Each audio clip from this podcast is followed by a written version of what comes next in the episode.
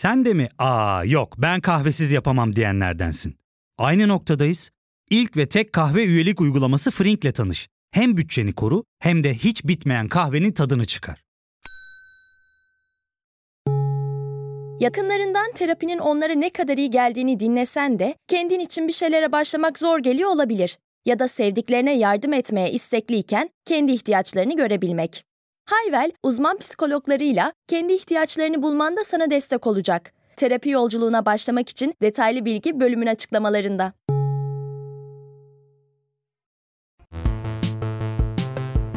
Oyunlar falanlar bir şeyler yani Doom, Mouse, Dark Souls, Anakart, Sims Mims yani anladınız işte genel olarak oyunlar. Yer altından botlar. Evet, nerede kalmıştık? Sen neredesin, niye yeni bölüm gelmedi gibi sorularınıza cevap vereyim. Bu şova başladıktan sonra hayatımda devasa olaylar yaşandı sevgili dinleyici. Önce evlendim, sonra da düğün yaptım. Sizi boşladığım yok yani.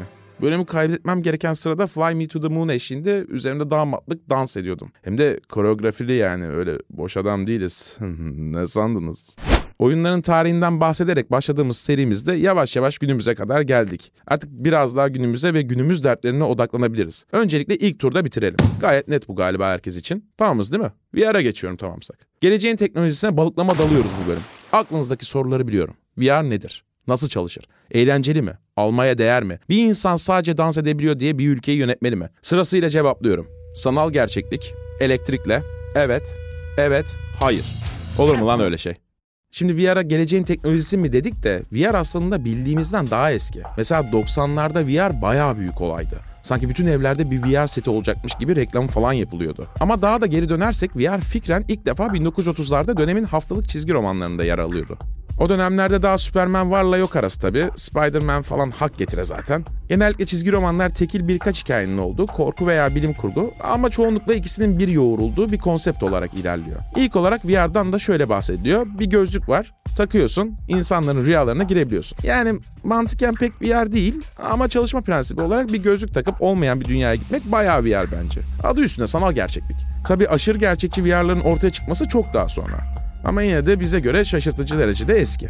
1968 yılında Ivan Sutherland adında bir bilgisayar programcısı ilk defa günümüz VR'ına benzer yapıda bir VR gözlüğü yapıyor. Daha önceki bölümlerde bahsettiğim Sensorama teknik olarak ilk VR ekipmanı fakat Sensorama sabit durup kafanı bir yere yaslamanı gerektirirken Ivan kardeşimizin icadı The Sword of Damocles günümüz gözlükleri gibi konum datasını kullanabiliyor. Yani kişinin yer değiştirmesi gözlüğün gösterdiği şeyleri etkiliyor. Bunun dışında kafaya da takılabiliyor. Ayrıca Sword of Damocles ismi ziyadesiyle gereksiz epik bir isim bir VR gözlük için.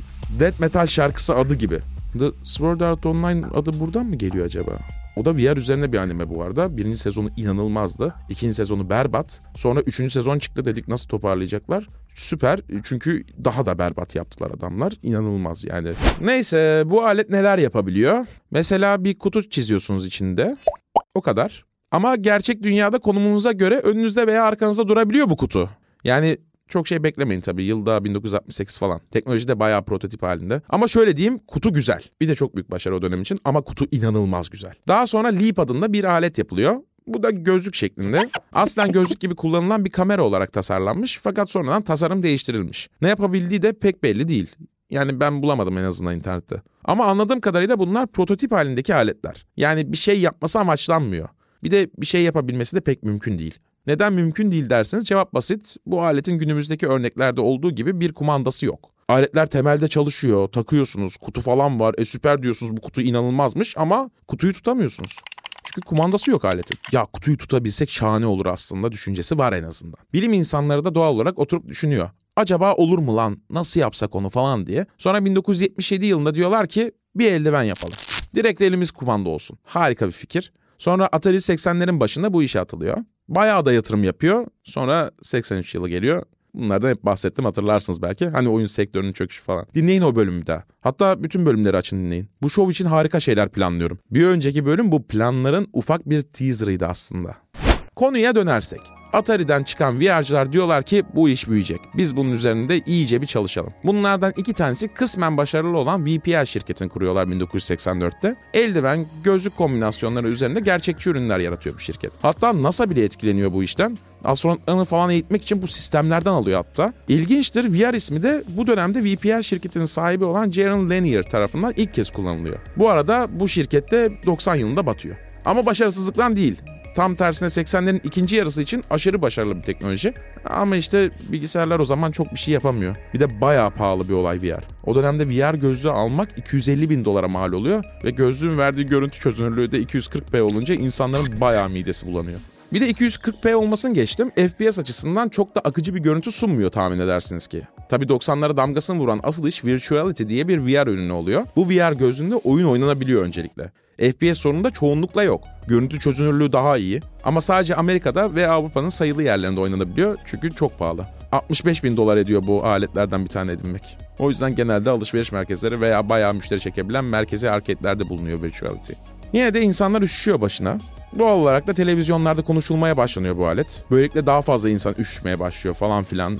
Bayağı hype oluyor tabii. Hatta şeyi hatırlarsınız belki. The Sims 1'de eve VR seti falan alabiliyorduk. O kadar her yerdeydi VR. İnsanlar diyordu ki yakında ucuza evlerimizde kullanabileceğiz bunları. Sonra Sega giriyor bu işe.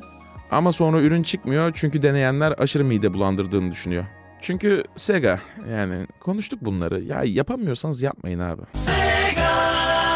Bu dönemde Nintendo'nun Virtual Boy'u da var ama onu kafana giymediğin için bence tam VR sayılmaz. Bunun hakkında bir bölüm de yapmıştım, onu da dinleyin. Sonra sonuç olarak bu teknolojinin çok pahalı olduğu ve daha tam oturmadığı fark ediliyor. Aradan yıllar geçiyor ve sonra 2008'de Palmer Luckey diye bir genç dostumuz Oculus diye bir VR aleti kendi kendine girişiyor. Sonra 2012'de Kickstarter'a giriyor ve milyonlarca dolar yatırım buluyor. Sonra Valve giriyor Oculus mevzusuna. Takip mekanizması konusunda Palmer'a destek veriyor. 2015'e doğru da Facebook ani bir hamleyle Oculus'u satın alıyor. Derken günümüze geldiğimizde şu an kayda değer 4 üretici var diyebiliriz. HTC, Valve, Sony ve Oculus. Yoksa yeni adıyla Meta mı demeliyim? Barış abi selamlar. Merhaba. Benim HTC Vive, PSVR ve Meta Quest 2 ile deneyimim oldu bu arada. HTC'yi yıllar önce bir etkinlikte kullanmıştım ve o kablolu versiyonuydu. Eğlenceliydi ama aşırı terletiyordu. Gözlük camları buğu falan oluyordu aletin. O yüzden pek eğlenememiştim. PSVR terletmeme konusunda daha iyiydi. Bir saat falan sorunsuz kullanabiliyordun ama alet henüz daha yeni çıkmıştı. O yüzden pek oyunu yoktu. Sonrasında da çok kullanma fırsatım olmadı. Ama şu an evde Meta Quest 2 var. Sevgili dinleyici durmadan oynuyorum. O yüzden ağırlıklı olarak VR deneyimimden bahsederken Meta Quest 2'den bahsediyor olacağım. Aklınızda olsun. Bizimkisi bir aşk hikayesi. Burada bir pauslayalım. Ondan sonra tekrar devam ederiz kaldığımız yerden. Ya fark ettin mi? Biz en çok kahveye para harcıyoruz. Yok abi, bundan sonra günde bir. Aa, sen Frink kullanmıyor musun? Nasıl yani? Yani kahvenden kısmına gerek yok. Frink'e üye olursan aylık sadece 1200 TL'ye istediğin çeşit kahveyi istediğin kadar içebilirsin. Günlük 40 TL'ye sınırsız kahve mi yani? Çok iyiymiş. Aynen. Hatta şu anda 200 TL'lik bir indirim kodu da var. E hadi hemen indirip üye ol da bu fırsatı kaçırma. Terapiye başlamak, içinden çıkamadığın döngüleri kırmak, bazı yanlış bulduğun kararlarını değiştirmek ve kendinle beraber daha huzurlu bir yaşam inşa etmek için atabileceğin en değerli adımlardan biri. Hayvel ile yoğun yaşam tempona uyum sağlayarak online terapi seanslarını takvimine göre ayarlayabilirsin. Bini aşkın uzmandan sana en uygun terapisti seçebilir, PodB10 koduyla indirimden yararlanabilirsin. Detaylı bilgi açıklamalardaki bağlantıda. Öncelikle MetaQuest 2'nin pozitiflerinden bahsedelim. Birincisi kablosuz olması ki anladığım kadarıyla çoğu VR gözlüğü artık kablosuz. Ama Quest 2'nin özelliği kendi arayüzünün de olması. Yani ne oyun oynamak için ne de film falan izlemek için VR'da ekstra bir bilgisayara ihtiyacınız yok. Ama istenilirse bilgisayar da bağlanabiliyor. Bu bağlantı kablolu veya kablosuz olabiliyor bu arada. Ben de yeterince uzun Type-C kablosu yoktu. O yüzden kablosuz bağlantıyı kullanıyorum. Gayet problemsiz bu arada. Akıcı biçimde de kullanabiliyorum yani. Terletme olayı ciddi biçimde çok az Quest 2'de. Yani terliyorsun tabii. Beat Saber veya Half-Life Alyx oynarken ama bu falan yapmadığı için sıkıntı olmuyor çok. Kullanması arayüzü falan çok kolay. Bu arada VR gözlükler arasında en ucuzu da Quest 2. Ama Steam'de oyun oynayacaksanız başka yan ürünler falan satın almanız gerekiyor Metastore'dan ki o konuya negatiflerinde gireceğim. Veya dur ya gireyim hemen sevgili dinleyici. Kimseyi bekletmeye gerek yok. Bu mide bulantısı olayı her VR gözünde var galiba ama benim için genel olarak VR'ın negatifi bu oldu. Gerçi çok daha gelişmiş bu olay eski VR'lara göre ama yine de oyun üreticisine bağlıymış gün sonunda onu anladım. Mesela Half-Life Alyx göreceli olarak bayağı hareket ettiğim bir oyun ama hiç mide bulantısı yaşamadım. Ama Gorn denen oyuna kusmadan bir dakika bile bakamıyorum. en büyük problemlerden biri de Metastore'da çok oyun demosu yok. Normalde çok demo ile karar vermem oyunlara ama VR için zorunlu bir özellik olmalı. Çünkü bilgisayarda oyun oynarken üstünüze kusma ihtimaliniz pek yokken VR'da bu ciddi anlamda büyük bir risk. Bir de Metastore'da oyunların dolar üzerinden satıldığını da hesaba kattığınızda gittikçe daha sinir bozucu oluyor demonun olmaması. Çünkü bir oyuna 600 lira verip kusmaktan oynayamadığınızda bayağı keyfiniz kaçıyor. Daha yaşıtım olan dostlarımız için şöyle bir öneri yapabilirim ama bu negatifi nötrleyecek. Evlenin, eşinize denetin oyunları satın alıp. Böylelikle kendi kusma ihtimalinizi minimize edeceksiniz. Ama yine de oyuna 600 lira harcıyorsunuz. O kötü oluyor. Bir de tabii düğün falan yaparsanız o rakam bayağı yükseliyor. Hele hele başkasının kusması sizin de kusmanızı tetikliyorsa o daha da saçma oluyor. Aynı noktaya dönüyorsunuz. Hem oyuna para harcıyorsunuz hem düğüne para harcıyorsunuz hem de salonda malına kusuyor eşiniz. Sonra siz bu anlara şahit olup bir de siz kusuyorsunuz. Bunları bilerek evlenin kısaca. Biz çok mutluyuz.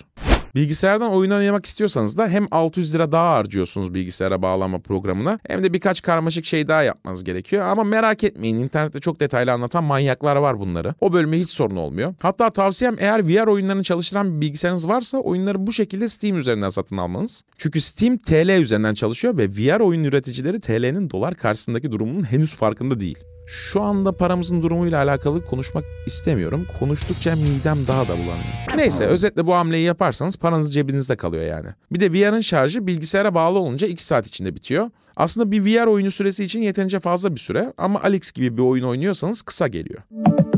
Ama merak etmeyin Alex gibi bir oyunda yok başka. Ki o da başka bir sorun. Büyük oyun firmaları full VR oyunlarına çok girmiyorlar ve genellikle oyunlarına eklentiymiş gibi getiriyorlar VR özelliğini. Bu baş dönmesi falan da hep bu nedenlerden kaynaklanıyor. Çünkü VR için yapılan oyunlarda kullandığınız karakterin yürüyüş hızı ve şekli inanılmaz önemli. Sonuç olarak VR'ın mantığı beyninizi kandırıyor ve yürüdüğünüzü zannettiriyor. Fakat beyniniz aynı zamanda vücudunuzun yürümediğini anlamayacak kadar da salak değil. E ne oluyor? Beyniniz alarm veriyor ve baş dönmesi başlıyor.